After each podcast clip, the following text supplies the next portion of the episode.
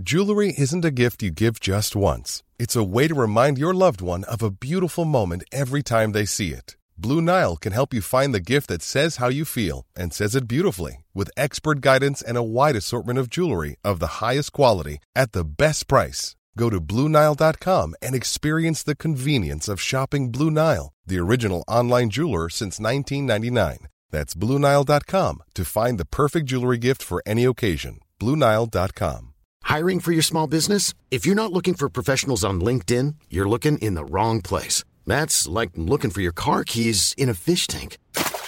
LinkedIn helps you hire professionals you can't find anywhere else, even those who aren't actively searching for a new job but might be open to the perfect role. In a given month, over 70% of LinkedIn users don't even visit other leading job sites. So start looking in the right place. With LinkedIn, you can hire professionals like a professional. Post your free job on linkedin.com slash people today. Even on a budget, quality is non-negotiable. That's why Quince is the place to score high-end essentials at 50 to 80% less than similar brands. Get your hands on buttery soft cashmere sweaters from just 60 bucks, Italian leather jackets, and so much more. And the best part about Quince, they exclusively partner with factories committed to safe, ethical, and responsible manufacturing. Elevate your style without the elevated price tag with Quince. Go to quince.com slash upgrade for free shipping and 365-day returns. Hej och hjärtligt välkomna! Peter är här och idag så har vi en gäst. Erik, Erik Svalberg. Trevligt att få prata lite TV. För det är ju framförallt TV som vi känner till LG numera. Är det inte så Erik? Är det er liksom flaggskeppsprodukt? Ja, alltså det, det kan man ju säga. Framförallt i Norden så är det ju TV som har dominerat de senaste åren. Eh, ganska stort i vitvaror också för den delen, men eh, TV är väl det som de flesta känner igen. Det är väl där LG verkligen har kunnat eh, sättas på kartan kan man säga i, i Norden. Eh, och det har ju haft väldigt mycket att göra med OLED-teknik och det har haft väldigt mycket att göra med bara den, ja, men, den position vi också kunnat ta på marknaden här i Norden. På tal om position, vem är du då, mer än att du jobbar på LG? Ja, eh, det kan ju vara värt att, äh, värt att nämna. Eh, nej, men jag, jag brukar ofta beskriva mig själv som eh, kontorets lokala nörd, men eh, det betyder egentligen att jag är produktspecialist och master trainer, vilket betyder att jag har hand om eh, produktkunskap, produktinformation, utbildning, även kommunikation utåt om produkterna i, i stor del. Eh, det är, en, det är en roll som jag ofta har väldigt svårt att beskriva på grund av att den liksom sprider sig åt så många håll. Eh, men allting som har med produktinformationen att göra har jag antagligen varit inblandad i på ett hörn. Just det. Och det är ju ingen liten grej när det kommer till teknikvärlden och framförallt inte tv. Tv om något kan ju vara ett clusterfuck av definitioner. Och ja, men, du vet, vi har ju, jag har ju jobbat bara med en specifik sak här nu de senaste åren känns det som. Det är att berätta hur man får Dolby Atmos och inte på ljudlimpor. Liksom. Där är ju sig fördelen med LG då att ja, men, eh, det, det kommer fungera med absolut största sannolikhet. Vi kommer ju komma lite till det sen då. Innan så måste vi bara reda ut det. Lucky Goldstar. Ja, Jo, men det där är ju ett namn som väldigt många eh, känner till och kanske har hört. Och det är ju i sig egentligen eh, två olika företag från början. Det var ju Goldstar och eh, Lucky. Aha, okay. Mm. Så det var delvis då ett elektronikföretag och å andra sidan ett eh, företag som hade framförallt med kemikalier att göra. Eh, framställning av olika kemikalier. Eh, och det blev ju då ja, efter en lång tid LG, men däremellan så var det ju Lucky Goldstar ett långt tag. Eh, och sen bytte det namn och moderniserade sin image lite grann till då bara LG. Eh, och sett till namnet idag så står ju LG för snarare ja, företagets slogan Life's Good. Det. Men det sträcker sig ju numera då både såklart till LG Chemical, LG, eh, LG Electronics såklart, som är kanske det folk är mest, kända, eh, mest bekanta med. Eh, men även LG Display som är en jättestor del av verksamheten. Eh, för att inte tala om massvis av mindre företag som tillverkar allting från eh, glödlampor till textiler. Eh, väldigt mycket av det ser man framförallt kanske i Korea. Eh, men det finns eh, väldigt, väldigt, det är ett väldigt stort företag vid det här laget med väldigt många delar. För det var ju någonting med varumärket Lucky Goals. Jag jag är lite för ung för detta. Men det, det finns vissa saker som har följt med lite i generations. Det var ju att lite billigare saker där när det kom tror jag. Eh, från, från början. Liksom. Och, och Medan nu så, så står ju LG, och då är det ju inte LG där du jobbar på utan då är det ju LG Displays då. Eh, som står för all världens OLED-paneler, tror väl många. Eller? Eller är det så det funkar? Det stämmer, det, det, är helt rätt. Och det du, det du säger också, det är ju en väldigt intressant del av LGs historia. För att eh, om man ser till hur LG kom in i Norden så var det mycket riktigt så, eller ja, då Lucky Goldstar, hur de kom in i Norden. Eh, att man klev ju in med fördelen då att kunna tillverka till förmånliga priser och så vidare. Eh, ta in, ta in liksom asiatisk teknik och eh, konkurrera prismässigt. Men LG hade ju redan då i Asien en ganska stark position eh, även i andra, så att säga, andra prissegment. Eh, och det var någonting som man långsiktigt sen började ta in eh, och framförallt till exempel då med saker som OLED-tekniken och som eh, Signature-produkterna Eh, när man kände att man hade ändå vunnit lite, lite mark i Norden och vunnit folks tillit. Eh, ja, men då kunde man våga ta in de här lite mer, eh, ja, vad ska man säga, lite mer extravaganta produkterna. Vi pratar ju fortfarande en tid då det var, fanns en telefon att köpa eh, och den var från Televerket. Liksom. Uh, jag vet min morbror han, han smugglade in en, en bärbar telefon. Alltså hem, vad heter de? Däck, däcktelefon tror jag. Ja. Och det var ju liksom o, något oerhört. Uh, så. Um, nu saknar man ju Cobra-telefonerna. Um, vi har en uh, bekant som jag gjorde en video om en annan Erik faktiskt. Uh, om hans smarta hem. Och han har han har, eh, han har många omvandlare hemma för han jobbar bara med analoga telefoner. Han tycker det är jättecharmigt. I vilket fall som helst så eh, ska vi prata just om det här med är, är det så att LG står bakom all världens OLED-paneler? Eller är det liksom något form av... Det stämmer absolut. Eh, och LG Display har ju varit de som har kunnat utveckla en, framförallt inte bara OLED-panel utan även en tillverkningsmetod som har kunnat ge goda resultat med stora OLED-paneler. Eh, och det är framförallt eh, ja, det är ju tv-marknaden där det har varit relevant. Det finns ju såklart andra tillverkare som gjort OLED för andra format, mobildisplayer och sånt. Eh, men just tv, där var det, jag menar, om man tittar på hur det var i början så var det ju flera aktörer som försökte tillverka OLED för tv då fick man slänga kanske 98 procent av det man producerade och det var ju inte hållbart på något sätt. Men varför är det så svårt? Liksom? Vad är OLED? Vi vet, vi vet ju att OLED är panelen för att svart är svart och det blir liksom allmänt awesome, bra bild. Liksom. Men, men, men vad är liksom vad, vad, är det som ligger bakom som gör att det är svårt och dyrt och så? Liksom? Ja, alltså det, det som gör det svårt är helt enkelt att få en jämn kvalitet på panelen, att, få, eh, att tillverka den utan, ja, utan döda pixlar och utan brister i panelen i sig så att man faktiskt kan ja, producera de här stora arken med paneler eh, som man lustigt nog tydligen skär ut själva skärmen ut. Eh, jättelustigt. Men så det var helt enkelt eh, när man kom fram till ja, rätt, rätt teknik, rätt metod, rätt komponenter i eh, fabrikerna för att kunna tillverka de här panelerna i större format. Och då, I början talar vi om 55, nu är vi uppe i liksom 83, 88 i OLED-paneler.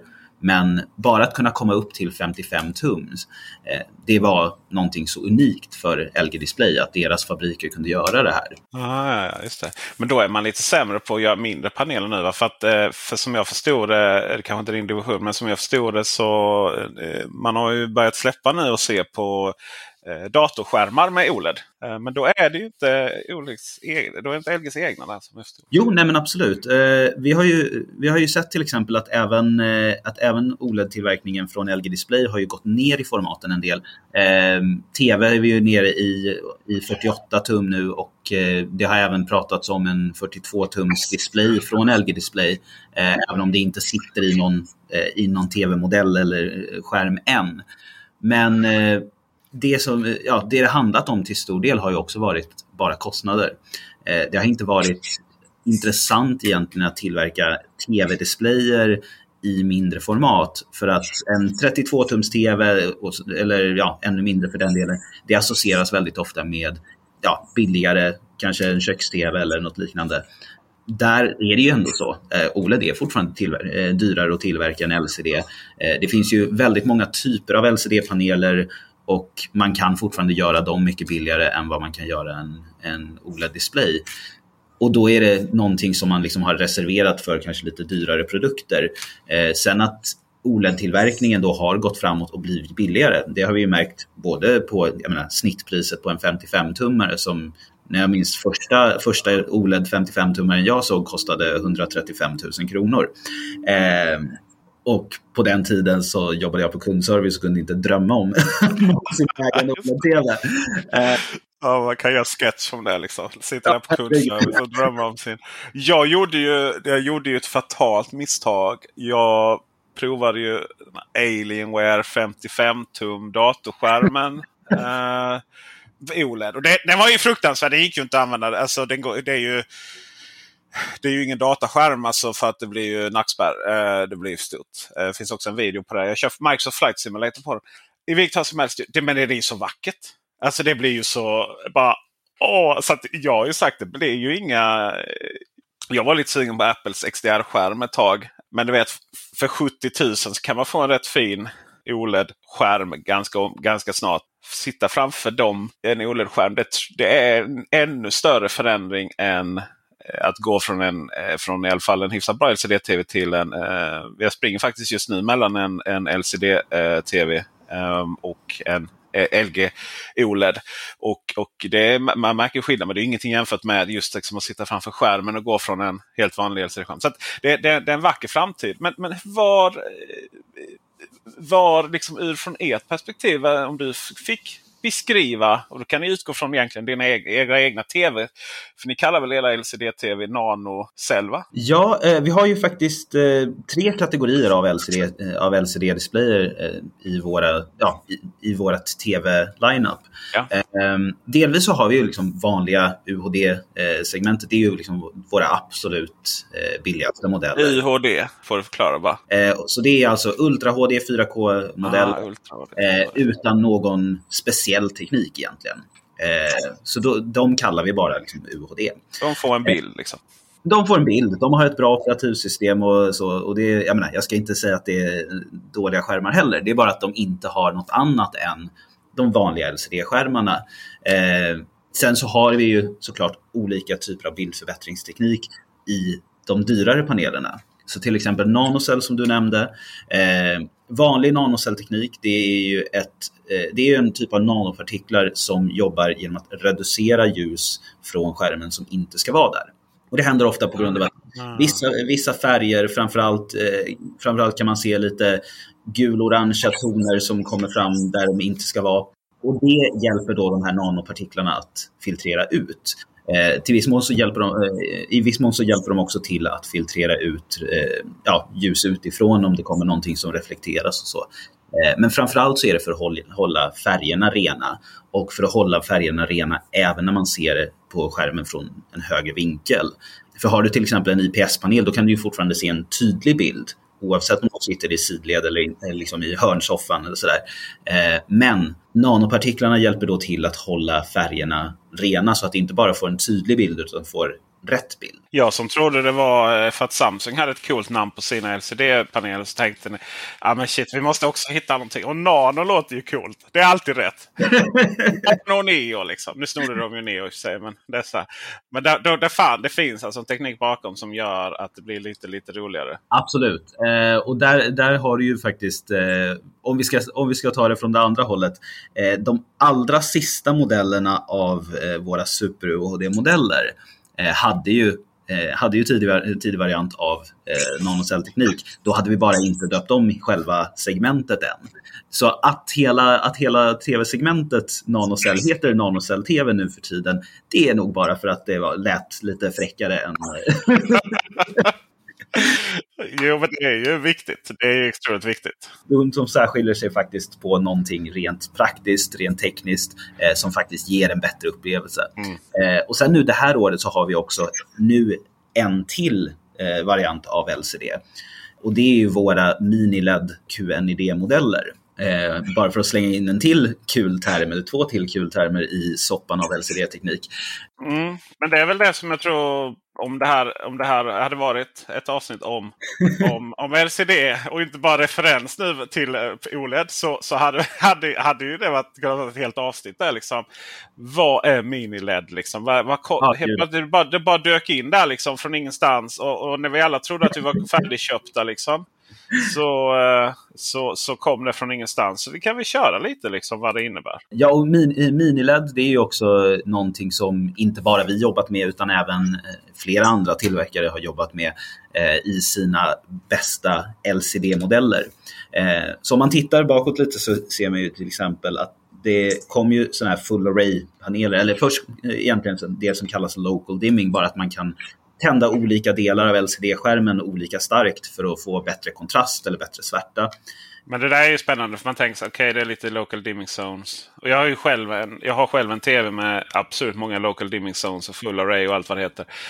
Men jag, jag tänker bara så här, okej, okay, men eh, aha, är det liksom en liten eh, ficklampa där inne som jag tänder av och släcker? Liksom? Hur många av de där punkterna är det? Alltså ibland, så märk, ibland är det ju eh, skitbra liksom.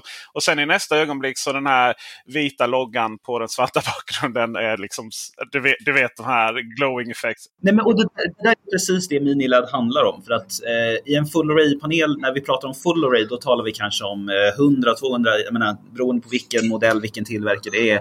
Eh, men då, då är det ändå de siffrorna vi håller oss på. När vi talar om mini-LED, då talar vi om kanske ett par tusen zoner och eh, ett par tiotusentals lampor. Eh, så det är mycket mindre, mycket mindre lampor, mycket mindre zoner och mycket mer detaljkontroll. Och i vårt QNID-segment så, eh, så, har vi också bildförbättringsteknik i LCD som vidare arbetar med färgerna och använder både quantum dots och en ny generation av nanocellteknik som arbetar för att få bättre färger och liksom, framförallt mer kraft i färgen men också eh, hålla precisionen i färgen. Eh, så det är, LCD är ett sånt där ämne som man kan prata i all ände om för att det finns så många olika sätt att försöka göra LCD bättre och bättre år för år. Just det, att, att man, det finns så mycket tekniker som ska hjälpa LCD att komma i närheten av OLED. Och då, då kommer nästa, fråga, då kommer nästa fråga. Varför går... Alltså, för nu är det ju inte så dyrt längre. Så det är lite så här, eh, det, det är ganska tight marknadssegment mellan traditionell LCD eh, och OLED. Och där försöker man skohorna in då mini-LED. Eh, och då, då, är det lite så här. Men OLED är ju väldigt nice. Är det, in, är det ändå inte där man hamnar om man, om man faktiskt har råd? tänker jag. Finns det någon anledning att inte eh, köpa en OLED-TV? Skulle du säga? Egentligen inte. Um, det, det, är ju någonting som vi har pratat om mycket internt just nu när vi också haft ett premiumsegment. Eh, så pass premiumsegment i LCD. Och det handlar ju lite grann också om, eh, om preferens. Alltså, LCD kan bli ljusare i praktiken är det väldigt sällan man använder så, äh, använder så mycket ljusstyrka. Äh, så det ska väldigt mycket till. Men är det någon som antingen bara av preferens eller ärligt talat bara fått, eh, fått in det att nej men jag vill inte ha en OLED. Eh, det kan vara, du vet... Inbrändhet, gamla sanningar. Man har hört någon skräckhistoria om någon så här barndomssjukdomar och vad som hände med den där som köptes 2014 och vad, ja, hur det gick med den. Det, det är för att det ska finnas ett alternativ helt enkelt. Men kvalitetsmässigt, prestandamässigt, egentligen bara bildupplevelsen du får OLED kommer alltid att vinna. Eh, det kommer alltid bli ett bättre resultat på en OLED-skärm. Så nu när ändå OLED-tekniken har kommit ikapp med, ja men du, du kan sitta och gamea i flera timmar på den. Ja. kan sitta och liksom titta på i princip vad som helst. Eh, det finns liksom inte, eh, det finns inte samma risker och brister som det kanske liksom historiskt sett har upplevts. Så idag skulle jag alltid om, någon, om en vän, om en bekant frågar mig om någonting, liksom, vilken tv ska jag köpa och ändå ligger i den, liksom, i den prisklassen, vilket nu sträcker sig väldigt brett. Eh, då är det ju, ja men ta den här OLED-tvn. Ja. Liksom. Nej, men visst är det. Vi, på kontoret så köpte, ska vi köpa en ny konferens-tv då. Och då blev det en, en LCD, en QLED-variant. Mm. Eh, just för att det är ljusinsläpp från alla håll. då. Men då är nästa grej. Om det är nu ljusinsläpp från alla håll. och det är någonstans en glaspanel framför en TV. Ja, det är ju kul att den är ljusstark där någonstans bakom alla de reflektionerna. Liksom. uh, så att, ja, men det, det, är ju, det är ju spännande. Men då, då kanske då kanske, man pratar ju redan innan att LCD, alltså det, den gamla LCD-tvn utan epitet, alltså utan eh, QLED, utan nanocells, utan sådär. Den var ju verkligen på väg bort. Men frågan är ju hur länge vi kommer ha även nanocells och eh, miniled-tvs. Miniled-tv kanske är, kommer ersätta alla LCD, traditionella LCD-tvs då. Och så har man de två kanske Eh, känns lite som det. Så blir det ju säkert att det som nu kallas premium LCD blir väl standard LCD sen. Eh, jag tror att på grund av att LCD ändå är så enkelt att tillverka och liksom det finns så mycket erfarenhet nu i, liksom, i tillverkningen eh, så tror jag ändå att det kan hålla kvar väldigt länge. Men det kommer väl som du säger bli de här lite bättre LCD-teknikerna som finns nu som blir mm. mid-range och till och med entry-nivå i framtiden. Eh, men sen, jag menar även sådana här grejer som det du säger. Ni köpte en konferensrums-TV och ni, val, ni valde en bättre LCD-teknik eh, snarare än OLED. Och där kan jag nästan hålla med för att, eh, jag menar, beroende på vad man ska göra med TVn. OLED tillverkas ju fortfarande väldigt mycket med vanlig konsument i, i, i åtanke. Mm. Så eh, jag menar, jag, jag har fått frågor av en liksom, om, eh, bara som ett exempel av en eh, pizzeria en gång som undrade om de, kunde, om de skulle ta det som liksom deras alternativ för att visa menyerna på. Det här, det här, är, inte, det här är inte företagsskärmar. Det här är för att du ska sitta hemma och njuta av en film och känna som att du är på bio. Ja. Det är inte för att du ska liksom, använda det och skylta med. Liksom. Det är ju, eh, det är ju spännande i och för sig. Eh, men det är klart, eh, pizza, färgerna vill man ju ha. Vill man ju ha. Jag, jag förstår det. Men om man tar konkurrensmässigt så här. Då, då, då ska du inte liksom, vi vet alla vad som skiljer. Framförallt OLED, OLED-TV har vi ju Sony, Panasonic, Philips. Eh, och sen så vet vi att Samsung har hoppat över OLED. Och sen så eh, LG då naturligtvis. Och sen har man då liksom eh, Sony har sina eh, Android OS. Och så även eh, Philips. Men eh, ni har WebOS. Eh, så där finns en viss skillnad. Men liksom hur, hur kan man på marknaden särskilja OLED-paneler?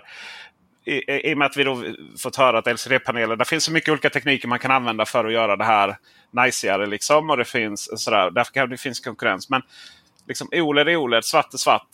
Är det svårt att kommunicera skillnaderna jämfört med konkurrenterna? Eh, på, på, ett sätt är det ju det och det kanske är det framförallt för oss just för att vi har varit längst associerade med OLED. Så vi har ju alltid kommunicerat fördelarna med OLED. Vi har pratat om liksom ja, men hur mycket bättre bild du får på grund av svärta och på grund av att du kan få perfekt svärta på grund av att varje pixel kan styra sig själv och så vidare.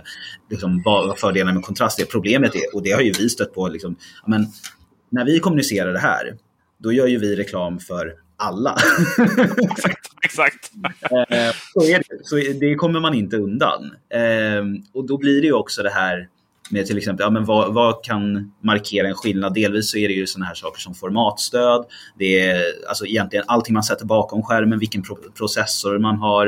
Eh, du var ju inne på tidigare, liksom, ja, men har du stöd för Dolby Atmos eller inte? Har du stöd för Dolby Vision eller inte? Eh, och sen såklart operativsystemet också.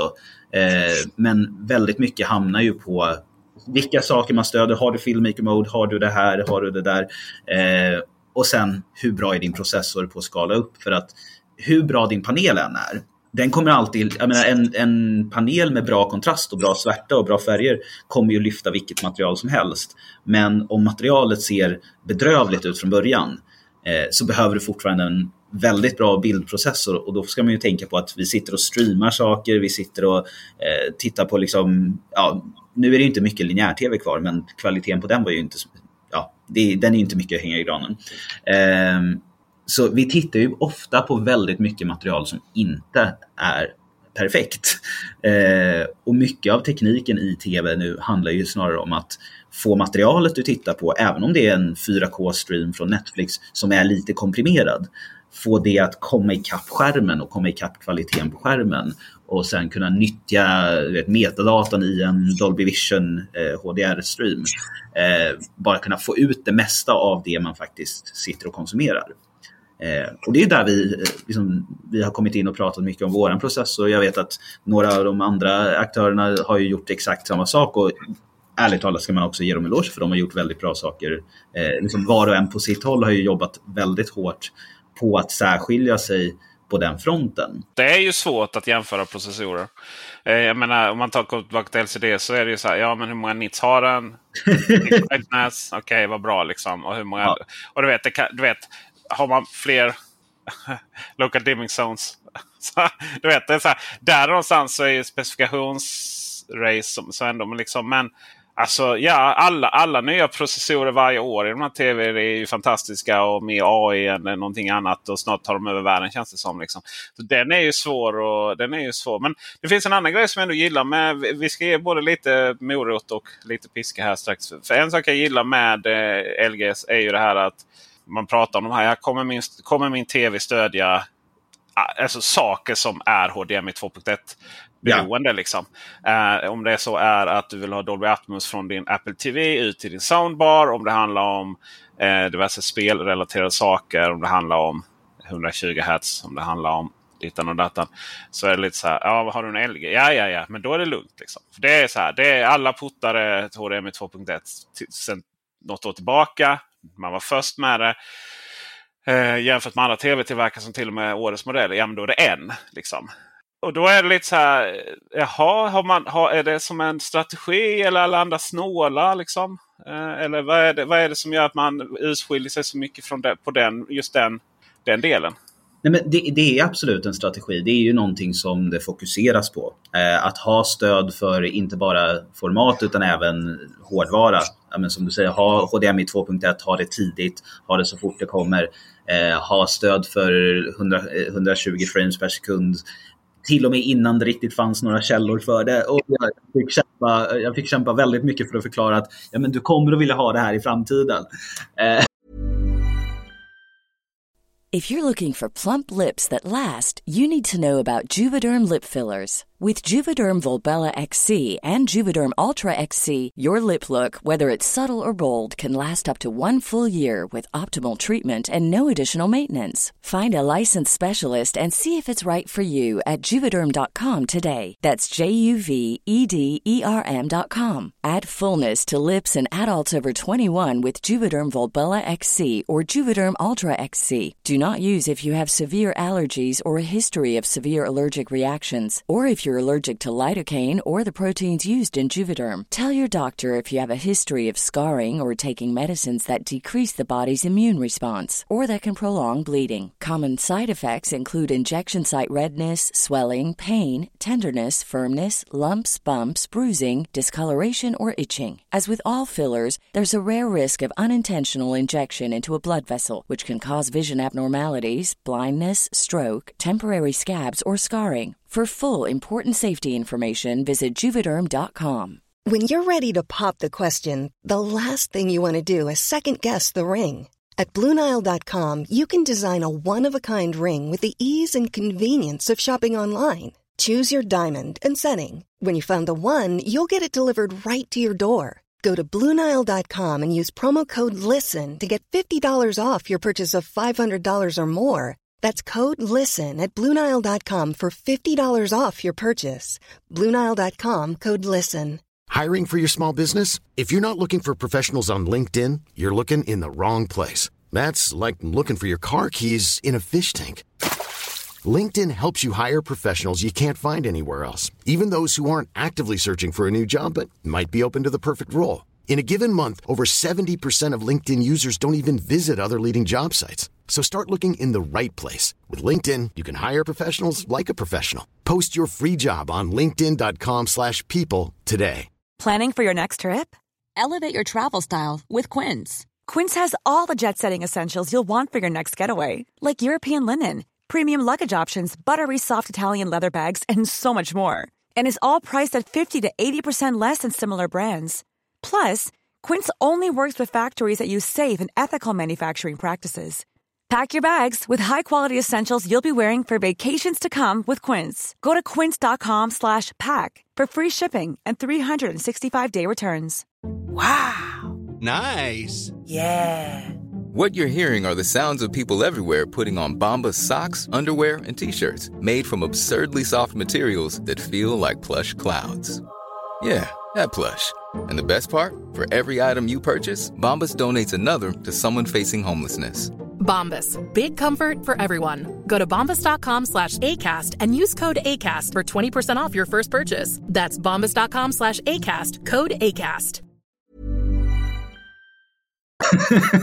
det var ju så kul också för det fanns ju en... eh, Det var, ja, men vi, kan ju, vi kan ju peka finger. Där var det Samsung som släppte en 8K-TV utan att det fanns någon som helst möjlighet att få tag på 8K-material Ja. in i TV. Liksom. Eh, det är ju också typiskt det bolaget. Men Eh, det är ju, det, det, ja, men det är ju, en- det är en sund strategi må jag ju säga.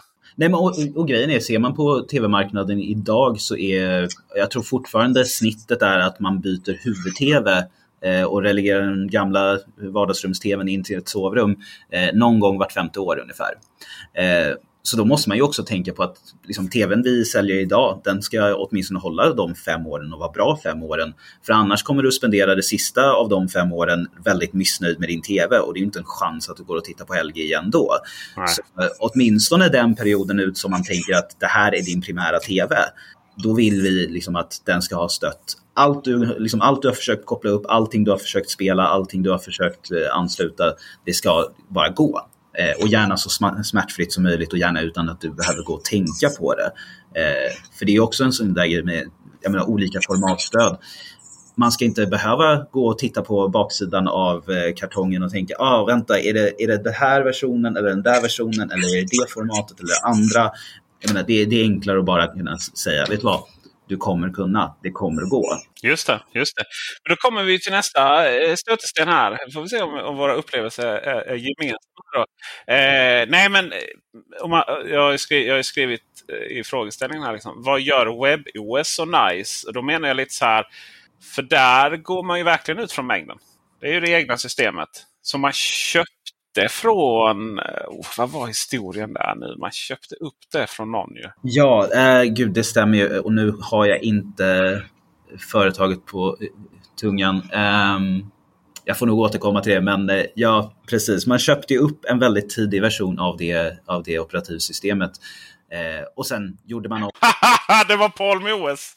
Eh, WebOS, yes, just det. Och sen Ja. gick det till HP och sen... Eh, sen HP var det jag tänkte.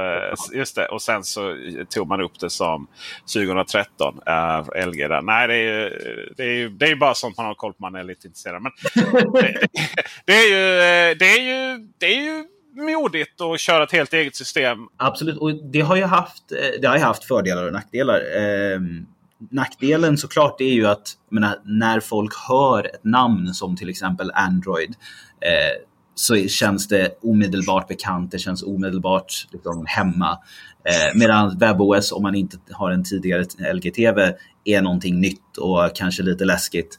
Eh, men det har också gett oss fördelen att kunna skräddarsy systemet efter hårdvaran i varje produkt. Så till exempel, ja, delvis har man ju kunnat utforma det efter, liksom, efter tanken att man ska ha en Magic Remote. Eh, och det är ju för de som inte känner till det, den här fjärrkontrollen som har i princip som en, eh, ja, vad ska man säga, det, det är som en liten Wii-pekare kan man säga. Ja, just det. Eh, du har en mus, eh, du har en Får mus man säga det utan att betala? Nintendo? Nej, eller var det, det var, nej, det var Philips som åkte på den tror jag. Just det, just det. det var de som... Ja, det sket sig. Uh, nej, men det är ju, man har ju flera olika kontrollsätt på den där fjärrkontrollen upptäckte jag. Man upptäcker ju nya saker med den fjärrkontrollen varje dag. Du kan ju köra den som traditionell kontroll, bara använda knapparna. Du kan använda muspekaren och klicka dig omkring och bara peka rakt på skärmen och göra olika saker. Eh, du kan prata med den. Eh, och där, där ska jag ju erkänna att eh, det är ju inte lika den är, den är inte lika smidig på de nordiska språken som den är på engelska. Eh, och det, kan jag, det kan jag ändå erkänna helt öppet. Att, Det, gäller, det, gäller ju, det gäller ju egentligen Android TV också. Alltså så så Ja. fantastisk eh, röst på dem. De är ju så nerdummade så det finns inte. Men, men enklare grejer som liksom byta kanal eller hoppa in i inställningsmenyer och jag tror framförallt sådana grejer kan vara väldigt bekväma. Att man kommer inte ihåg vilken undermeny som hade just den där inställningen. Nej. Man bara trycka på mick-knappen och säga att jag vill gå dit. Liksom, nätverksinställningar. Eh, Sådana saker underlättar ju såklart. Och även bara sånt där som ja, men, en enklare växla till kanal 3. Men däremot, eh, ja, de här lite mer avancerade funktionerna, där, där tror jag att vi i Norden ändå har lite överseende med att Ja. det, är aldrig, det är aldrig lika smidigt på våra egna språk. Nej, nej, nej. Det finns ju en anledning för att vi pratar engelska här. Liksom. Eh, ofta ändå. har ju, vi Eh, har ju min assistent på telefonen inställd på eh, engelska fortfarande. Så. Ja, gud, ja. Men eh, för det var, det var ju ett tag som någonstans där här så var det ju när det var massa smart-tv.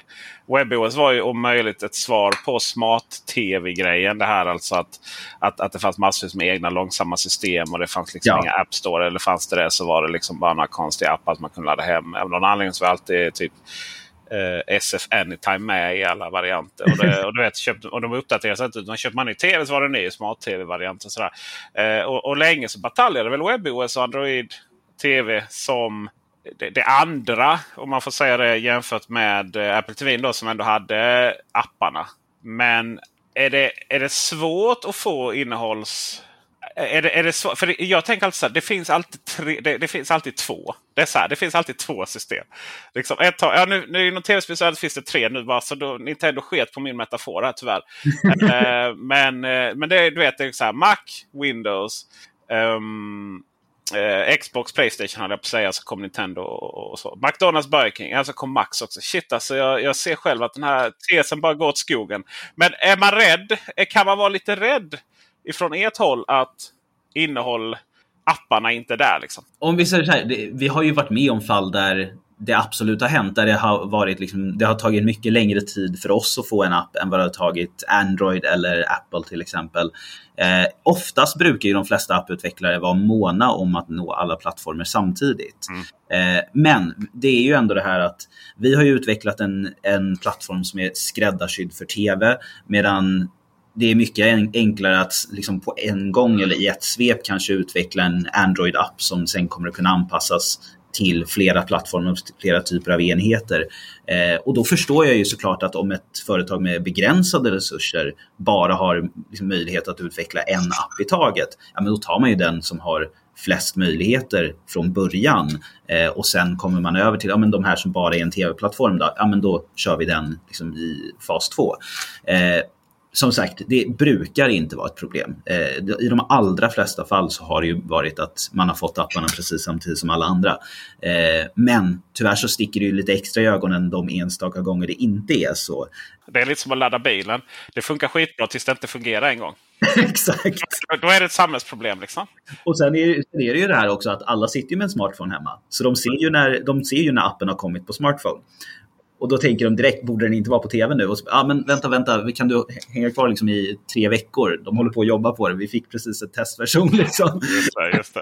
Eh, sen är det väl också det här med, som jag tror man märkte det tidigt, eh, som Apple-användare då. Man tjatar typ, ja, nu måste App Store komma till Apple TV, nu måste App Store komma till Apple TV.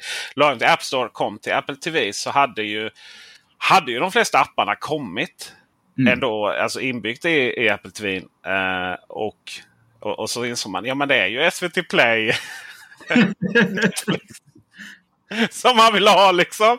Och sen så, och sen så är det ju via Play då, och lite sådana för vissa. Och, och så är det ju den här stötestenen Seymour då på, Mm. eh, på, som inte finns på WebOS. Eh, det ska ju sägas att den släpptes ju nyss till, till Android.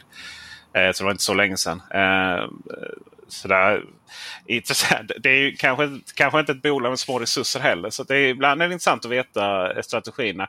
Men eh, det är ju ingenting som vi kan orda om här. Jag får väl, jag får väl spåra upp dem och undra vad som händer med den frågan.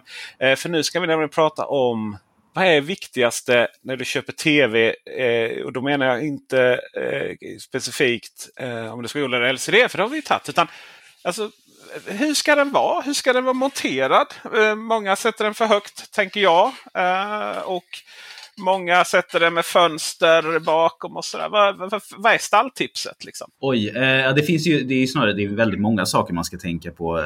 Men eh, det första det är ju kanske att utgå ifrån vad man själv gör, hur- eh, hur man tänker använda den. Och då är ju ändå skärmtekniken man väljer ganska viktig också. Eh, jag kommer ju alltid, eh, jag menar, jag kommer ju alltid rekommendera OLED om det är, det, liksom, om det är den prisklassen man rör sig i. Men det kan ju också vara en så här, eh, ja, någon vill ha en liksom, riktigt stor 80-tummare och eh, liksom, ärligt talat en 80-tums OLED-TV kommer att vara väldigt dyrt. Ja. Så jag menar, vi har en 83 men den kommer att kosta. Så har man inte råd med just den, då kanske det är något annat man ska fundera på.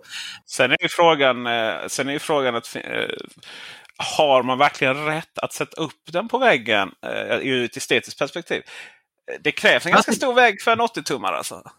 Absolut. 82. Och den ska man ju gärna tänka på inredningsmässigt. Jag menar, Visst, jag, jag förvandlar gärna mitt eh, vardagsrum till någonting som är helt centrerat runt tvn. Men eh, det är inte alla som vill det inredningsmässigt. Eh, och det, det, ska man absolut ha i åtanke. Man ska tänka på hur tätt kommer tvn hänga in till väggen? Hur kommer det se ut?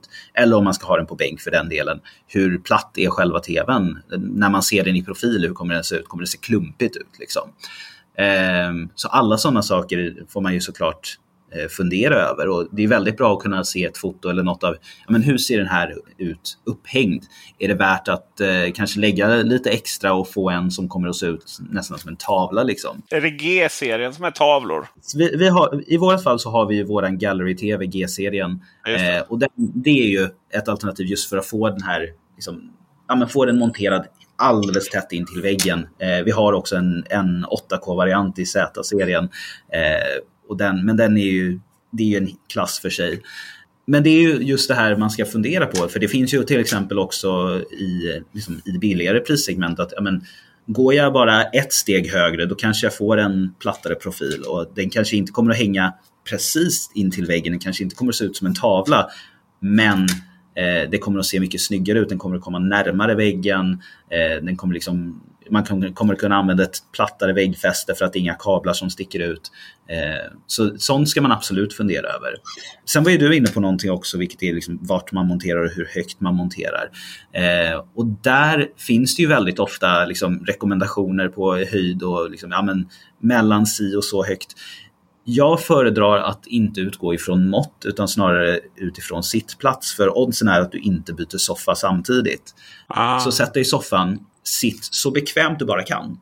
Och sen tittar du bara rakt mot väggen. Och där dina ögon faller, där ska du, plats, eh, där ska du liksom tänka att det, lägsta, eh, liksom det lägsta någonting får hänga, det ska vara att centrum, eh, liksom mittlinjen på tvn ska hamna där. Eller ja, om man, om man delar upp tvn i liksom som en luffarschacksruta, då ska du ha liksom att den där mitt, mellersta rutan, den ska hamna där dina ögon faller.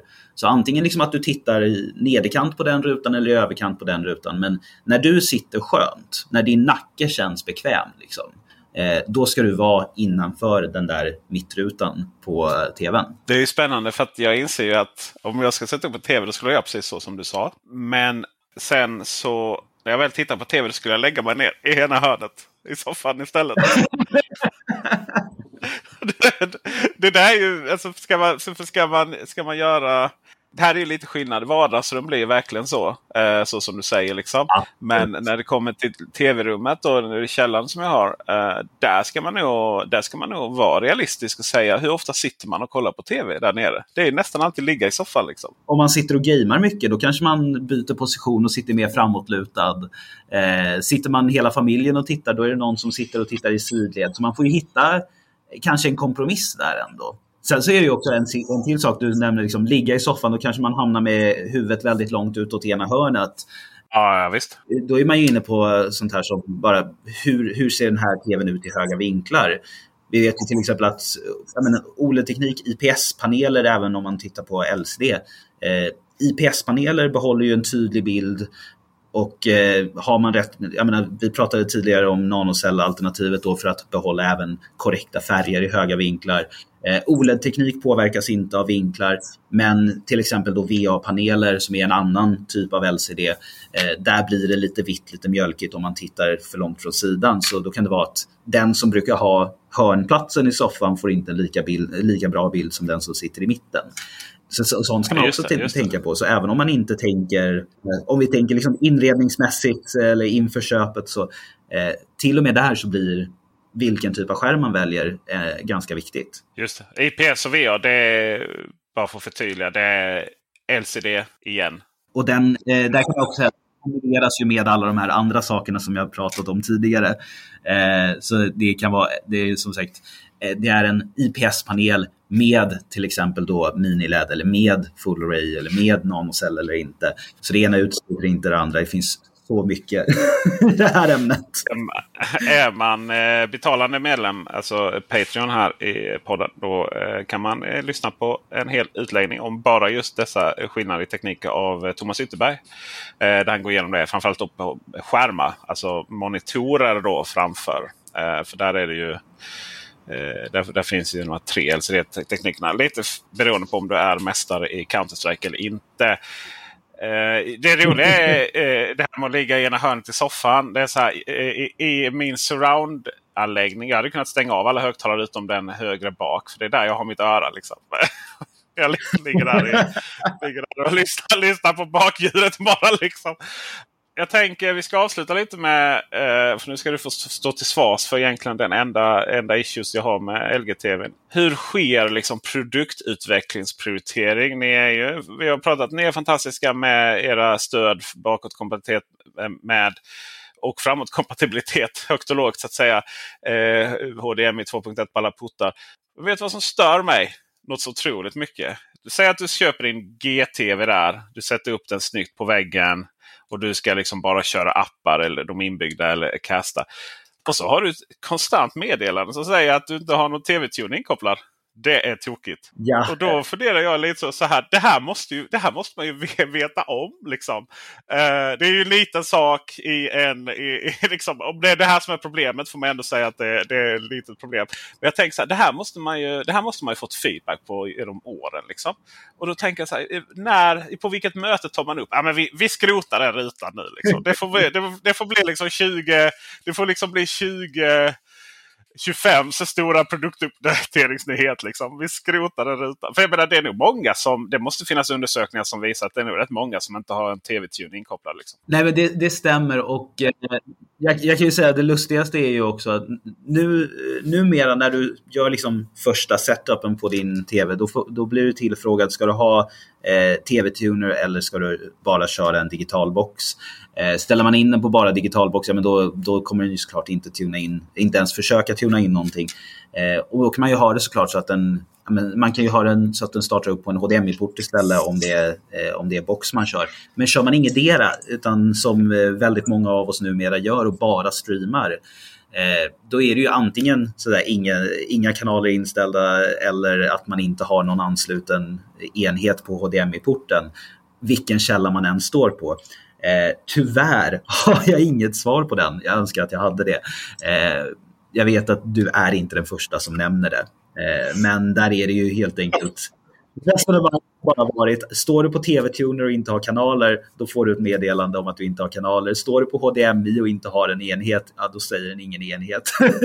Tyvärr har jag inget bättre svar på det. Jag önskar att jag hade det.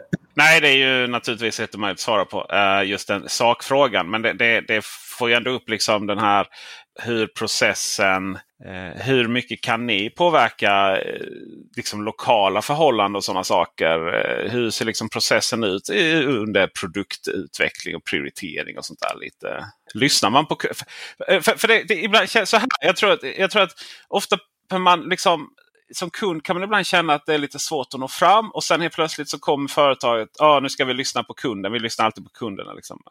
Eh, hur, hur, liksom, hur ser man på den processen? Kundprocessen? Jo, men det tas ju på alltså, väldigt stort allvar. Men problemet är, och du, jag tror du rörde lite grann vid det, att Eh, det utvecklas ju produkter och system då för en global marknad, för en global publik. Och ibland så är det ju våra lokala förhållanden som kanske skiljer sig lite från den stora massan så att säga. Så till exempel det här att den alltid ska flagga för att man inte har en signal in. Globalt sett kanske, ja, där är väl standard fortfarande att man antingen har kanaler eller en box. Men eh, vi i Norden ligger kanske, vi är kanske lite mer digitala, kanske lite mer online än vad snittet i världen är. Eh, och då blir det ju tyvärr att vi får dras med ett system som ska, ska göra alla nöjda så att säga. Eh, och det, så är det ju tyvärr. Att, jag menar, de här produkterna, delvis har vi ju sådana grejer bara som att ja, men den tv som säljs här ska vara precis lika kapabel och ha exakt samma förhållanden som en tv som säljs i en annan del av EU eller en annan del av världen för den delen. Då blir det väldigt svårt att göra liksom, lokala ändringar, lokala anpassningar i grundfunktionerna framför allt. Sen såklart lokalt appstöd eller lokala, liksom, vissa lokala funktioner finns ju. Eh, men just de här som är lite mer liksom, ja, delar av grundsystemet, där blir man ju offer för, så att säga, offer för allas bästa. just det, just det.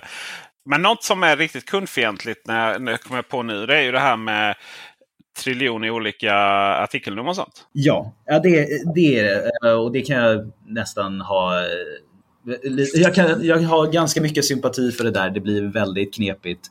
Eh, och det finns ju faktiskt en, eh, en logik bakom det. Eh, problemet är att om man inte jobbar i, i det här företaget så lär man sig aldrig logiken bakom det. Eh, de här bokstäverna betyder saker, siffrorna betyder saker. Eh, och till exempel, det kan ju finnas fem, sex varianter av samma modell som har liksom någon bokstav på slutet, någon siffra på slutet som ändras. Ofta är det Alltså det, det, jag kan säga om modellnamn från LG i alla fall, det är att ju längre bak ändringen sker, desto mindre relevant är den. Eh, alltså, så ju, de sista siffrorna du? Eller, ja. ja, precis. Eh, och det kan vara så här enkla grejer att vid något tillfälle så har man bytt leverantör av en liten komponent och den gör exakt samma sak, den presterar exakt likadant så man ändrar inte modellnamnet men man byter någon bokstav allra längst ut i slutet för att vi har också en regel där du får inte kalla två olika modeller samma sak även om de på papper är identiska. Är det minsta lilla skillnad till exempel, är den ena vit och den andra svart? Är den ena, har den ena en lite ljusare silverton på foten och den andra har en lite mer mörk titan? Alltså, får vi inte kalla dem samma sak, för då skulle vi eh, hamna i massa andra problem istället. Eh, och jag förstår att det här kan vara, det här kan vara jätteirriterande för någon som sitter på prisjakt till exempel och försöker, ja men, är det den här eller den här? Är det här samma tv? Vad är skillnaden? Och så går man ner, liksom, kommer igenom hela speslistan och hittar till slut och säger, aha, den här var vit. Liksom, eller foten var lite annorlunda. Eh, men ofta är det ju, ett, som sagt, ju längre bak i modellnamnet man kommer, ju mer är det liksom, kanske små estetiska grejer eller saker som inte ens påverkar tvn. Vill man kunna jämföra priser till exempel, då kan, man, eh, då kan man ofta stanna av innan de allra sista eh, bokstäverna eller siffrorna. Eh, men man får ändå vara försiktig. Det kan vara någon liten grej som, eh, som ändå skiljer, typ stöd för en viss grej eller ja, det, det, är jättesvårt att vara specifik på det där när vi pratar, pratar så här brett. Men det finns liksom en funktion bakom. Just det. Men om, om vi ska köra för att avsluta elevator-pitchen här nu. Eh, om du skulle förklara de större eh, modellnumren. Eh, alltså det står A och sen finns det B och så finns det C och så finns det G. Och så fanns det Z va? Och, så, och så, därefter sen fanns det lite olika. Eh, så om, om man idag ska är intresserad av en, eh, och vi, vi kör OLED här då. Eh, om man idag är intresserad av en LG OLED-TV av modell Nådens år 2021. Vad finns det för modeller och vad Vi kan ju, vi kan ju börja nerifrån så drar jag den så kortfattat som möjligt. Eh, vill du ha den absolut billigaste OLED-TVn, eh, då har du ju A-serien som är ny för i år. Fördelen där är att det är en väldigt, väldigt eh, överkomlig prislapp och det gör ju såklart att du kan få bildkvaliteten i OLED. Eh, men tyvärr så är det en 60 Hz-panel så den är inte lika bra på liksom, ja, rörelseorientering och action som kanske B-modellen över. Eh, den har dessutom inte HDMI 2.1-stöd. Så det är en eh, instegs-OLED om man bara ska till exempel streama, kolla på film, eh, kolla på serier, sådana saker kommer fortfarande göra sig bra. Men snabba rörelser, kanske sportgaming, inte lika bra. Eh, då kan man ta klivet upp till B, B 100, 120 Hz, eh, har HDMI 2.1-stöd. Eh, där får du såklart liksom, i princip hela paketet. Det den saknar gentemot C-modellen som är steget över, det är den här lite kraftigare processorn. Eh, A och B har en Alpha 7-processor, C har en Alpha 9-processor, vilket betyder att allting som inte ser perfekt ut, det vill säga det är streamat, komprimerat, vad, vad det kan vara. Eh, B och A kommer såklart att skala upp och förbättra bilden. C kommer att göra det bättre. Eh, så där kommer du liksom alltid få prestanda på topp. Eh, i allt. Eh, B och C har ju såklart jättebra performance för gaming. Eh, du har stöd för FreeSync, G-Sync, eh, du har auto low latency mode. Ja, det är fantastiska spel, äh, spelmaskiner helt enkelt. Eh, och vill du fortfarande ha någonting ännu bättre, då kommer du upp till det som är liksom flaggskeppsmodellen, G1. Eh, där har du också en ny typ av panel som, heter, eh, som är eh, kombinerad med viss teknik, viss elektronik. Eh, och det är det vi kallar OLED Evo. Det gör att den kan prestera ja, lite bättre helt enkelt. Den kan bli lite ljusare men den håller samtidigt skärpa, färgstyrka, eh, väldigt, väldigt mycket fokus på att den, ska vara, att den ska återge en korrekt bild även om den sträcker sig över en lite större bredd, färger och ljus. Och den har den här galleridesignen som vi pratar om, så det kommer dessutom vara en väldigt elegant TV att ha på väggen. Eh, den hänger platt mot väggen, alla sladdar hålls liksom, ja, inom ramarna på tvn så det är ingenting som sticker ut eller så. Du kan få den monterad jättesnyggt. Och om du fortfarande inte är nöjd med det eller bara känner för att lägga enorma summor pengar på en TV så kan du komma upp till en 8K OLED och då är vi uppe i Z-serien som du nämnde. Z är våra 8K-modeller. Det finns två utföranden, 77 och 88 tum. Eh, och jag kan säga... Bara för att. det är väldigt, väldigt exklusiva produkter. Eh, jag tror väldigt många av våra lyssnare har nog inte betalt lika mycket för sin bil som de har betalt för, som Nej. de skulle betala för 88-tummare eh, Eh, i 8K. Men det är, det är absolut eh, det är absolut lyxprodukter, men det kommer också ge dig liksom, den sjukaste bilden du någonsin har sett. Så det har, det, har ju, det har sitt pris, men det har sitt värde också. Då har du OLED-segmentet i, ja, summerat på så få ord som jag kunde. Så då kan man säga att eh, A är för eh, ens föräldrar som inte bryr sig. B är för den stora massan. C är för eh, folk som vill lyxa till hemmabion där hemma. Och galleri är för influencers. Man kan vända det på det sättet. Jag, skulle, jag skulle nästan säga många av våra lyssnare idag kommer säkert att eh, föredra C just för att det är liksom ur ett tekniskt perspektiv, det är prestandamodellen. Det är den som ger dig allt, allt liksom alla format, men också all processorkraft. Liksom, den, den kan göra allting. Eh, Medan G det, det, kan mycket väl vara influencern som vill ha liksom ett eh, skrytobjekt på väggen för att den ser så eh, liksom, klassig ut. Men det kan också bara vara den där som är liksom, den mest inbitna bildfantasten eh, som vill ha den bästa panelen den kan få tag på. Så jag skulle säga att den sträcker sig till båda de kategorierna. Och, eh, ja men vad bra. Eller vad dyrt det blev. För det känns ju som att eh, om man är lite semi-influencer som gillar väldigt bra bild. Till exempel om man är youtuber av, med Peter Esse. Så kanske det är den. Vi får se helt enkelt eh, vad som händer framöver. Eh, vi tackar dig Erik för att du vill vara med och prata lite om LG. Vad fint att lära känna, eh, känna modellfloran och lite hur ni ser på det. Eh, och vem vet, det kanske kommer med framöver igen när någon ny rolig teknik lanseras. Det var jättekul att få vara med. Trevligt, trevligt. Och ni övriga, ni vet vad som gäller. Stödj oss. Bli Patreon om ni vill ha fler sådana här intervjuer. Nu märker ni att vi är igång med dem igen. Följ oss på alla sociala medier och ljudtekniker är Dennis Klarin. Ha det bra. Hej! Even when we're on a budget we still deserve nice things. Quince is a place to scoop up stunning high-end goods for 50 to 80% less than similar brands.